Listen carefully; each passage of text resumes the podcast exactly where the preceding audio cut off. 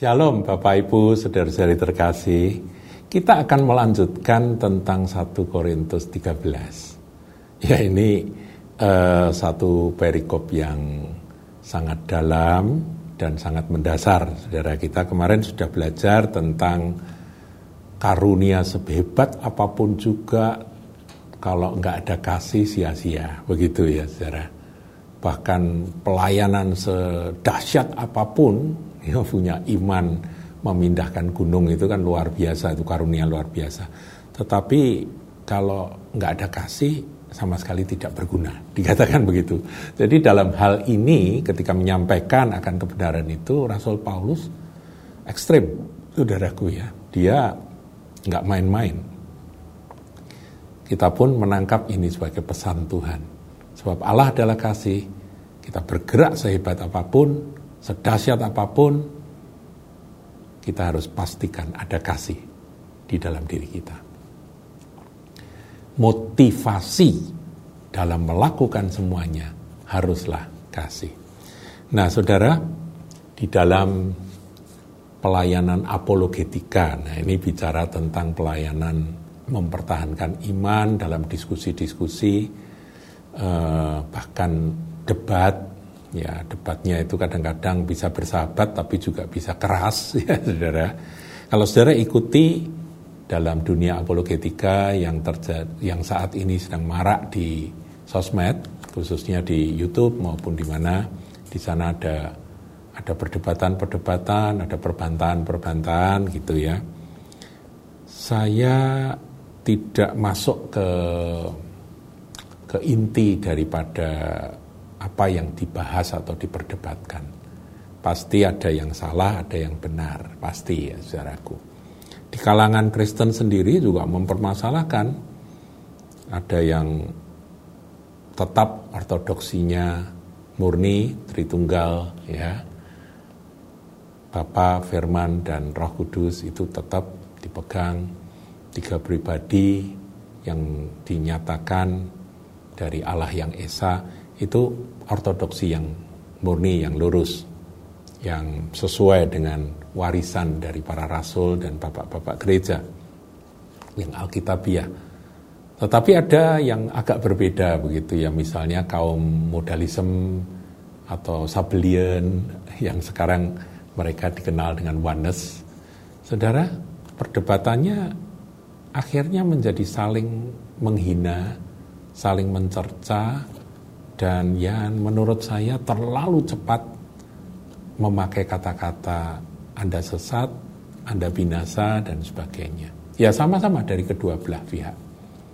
Itu sesama Kristen, saudaraku ya. Jadi Kristen Sabelian atau Kristen Oneness yang tidak mau menerima Allah Tritunggal maupun Kristen yang ortodoks yang menerima uh, kebenaran Trinity atau Tritunggal. Itu aja saudaraku dalam perdebatan kita lihat bahwa di manakah kasih itu yang yang sering kali saya mendengar saya tidak tahan. Kalau sudah begini kasihnya di mana?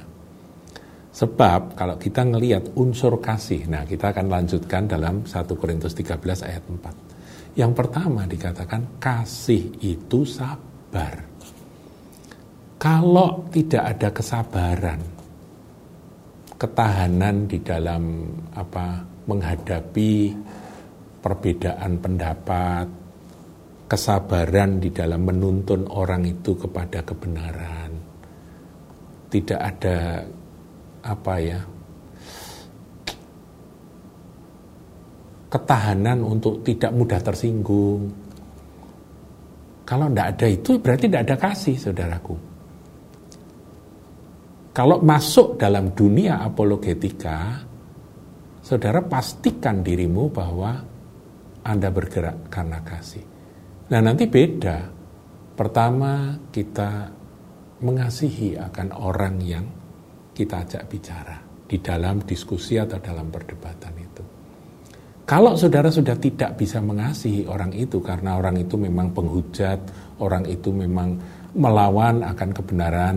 Eh, ini saya berbicara tentang yang tadi contohnya ya, misalnya saudara didorong oleh Roh Kudus untuk coba meluruskan mereka-mereka yang punya teologi Sabellian atau teologi modalisme atau teologi oneness tadi, saudaraku, yang anti terhadap Tritunggal. Ini hari-hari ini, saudara, saya juga melihat ada yang sampai menggila luar biasa ya, antinya terhadap Tritunggal itu sampai ngawur sekali. Itu katanya pendeta, saudaraku ya, pendeta Pantai Costa Oneness itu.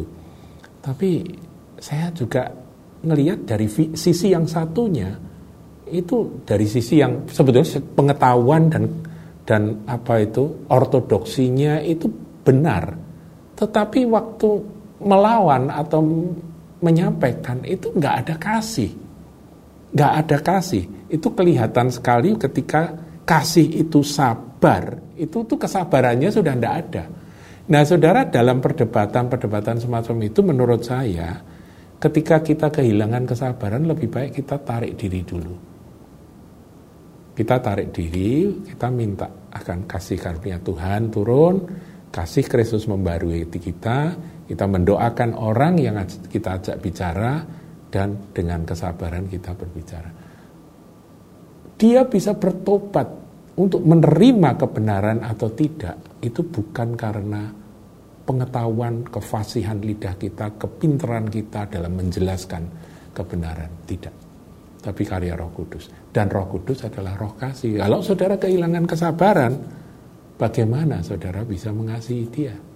Pasti yang keluar adalah hinaan, cercaan, kemudian ya akhirnya paling gampang mengatakan bahwa Anda bidat, Anda sesat, Anda masuk neraka, itu paling gampang.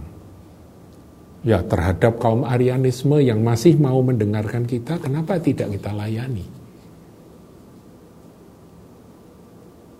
Ya, paham ya saudaraku. Arianisme itu lebih parah daripada yang modalisme atau oneness ini. Tapi dua-duanya salah. Dua-duanya ya kalau kita ngomong sendiri itu sesat sebetulnya dan jalan penyesatan itu kan berkali-kali saya sampaikan tuh seperti uh, rel rel kereta api, rel sepur yang yang sepertinya sejajar tapi yang satu melenceng satu mili dan itu makin jauh nanti kelihatan makin nggak bisa diperbaiki, makin menjauh. Nah kita kan punya tujuan untuk meluruskan. Orang yang belum kenal Kristus, yang masih menjadi penghujat Kristus saja harus kita layani dengan sabar. Apalagi ini orang yang menerima Kristus tetapi memahami kristologinya itu, pemahaman kristologinya itu melenceng. Ya kita harus luruskan. Nah, ini saudaraku dengan kesabaran. Kedua, kasih itu murah hati. Murah hati itu artinya tidak pelit dalam arti ah hitung-hitungan gitu ya. Ya sudahlah kamu kamu mau nyerang aku, mau mencoba mem membangkitkan emosiku ya ya aku nggak apa-apa, aku murah pengampunan karena ya seperti itu Stefanus, ampunilah mereka karena mereka tidak tahu apa yang mereka lakukan.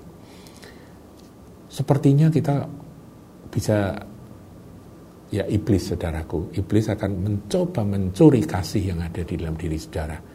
Dan manifestasi kasih itu adalah kesabaran dan kemurahan hati. Termasuk nanti kita lihat murah pengampunan. Murah maaf. Ini penting.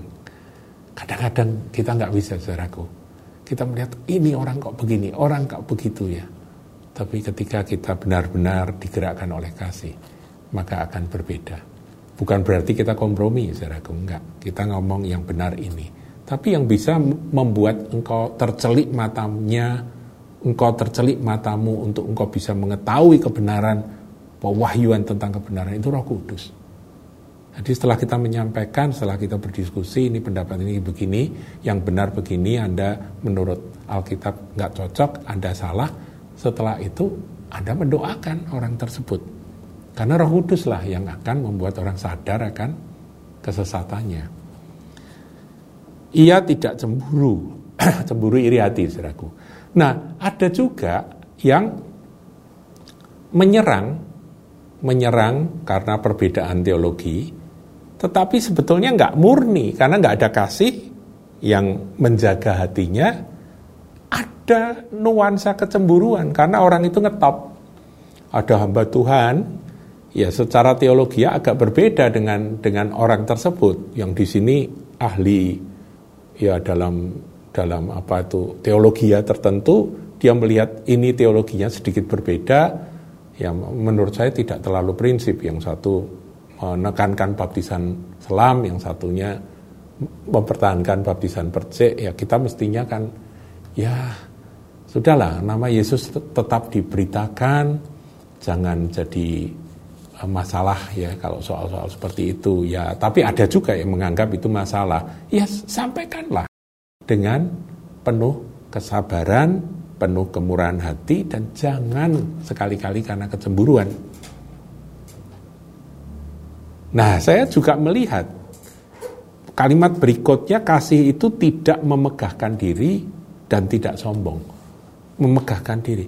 Ini kalau ada orang hanya karena dia punya karunia dia punya kemampuan berbahasa, dia punya segala pengetahuan, teologianya kuat, kemudian dia ngomong dan ya kita bisa rasa saudaraku ini kalau orang ini mulai arogan, orang ini mulai ada apa ya kemegahan diri, kesombongan, meninggikan diri. Ya ini memang perlu ya Roh Kudus yang akan kiranya Roh Kudus menolong gitu ya sehingga orang tersebut ada alarm dalam hatinya kamu ini nggak bener loh kamu ada sombong ini kamu ada tinggi hati nih omonganmu seperti itu tuh apa bener? Nah orang-orang seperti ini mestinya langsung dia sadar dan dia akan berhenti. Dia akan minta maaf kalau perlu. Saya pernah sampaikan saudaraku bahwa ada hamba Tuhan yang mengajarkan sesuatu yang di luar di luar ortodoksi yang murni, sudah menyimpang, ya, sudah berbau Arianisme. Ini tentang kristologi, saudaraku, yang menyatakan bahwa Kristus itu bukan teos, kemudian kalau ada kata teos dalam perjanjian baru itu tidak menunjuk pada Yesus Kristus, Yesus itu kurios dibedakan, kemudian setelah dibuktikan ada seorang hamba Tuhan lain yang mengoreksi, dibuktikan bahwa Yesus ternyata juga teos, kemudian dia keluar lagi kata bukan ho teos. Nah ini gimana? Ini God sama the God itu dimasalahkan saudaraku. Dibuktikan lagi ini loh ada ayatnya yang mengatakan bahwa Yesus Kristus itu juga ho teos. Diem, sudah nggak jawab lagi. Dianggapnya itu dipeti eskan. Memang hamba Tuhan yang terkenal ini tidak lagi membahas tentang teos atau hoteos yang jejak digitalnya masih ada. Ini sombong, saudaraku. Ini yang namanya memegahkan diri karena dia adalah seorang ya berpendidikan tinggi, dia dihormati dan dihargai oleh jemaatnya, dia seorang pembicara yang yang berpengaruh, banyak didengarkan, khotbahnya bagus, dan menjadi berkat di sana sini sehingga ketika ada koreksi dia karena kesombongannya dan kemegahan dirinya dia menolak untuk mengakui bahwa I was wrong, aku salah. Gitu aja kok Soekarto. Saudara, saya kalau ada yang salah di dalam pengajaran saya, saya akan minta Tuhan itu menolong saya betul-betul untuk saya ini bisa berkata, maaf, I was wrong. Saya salah.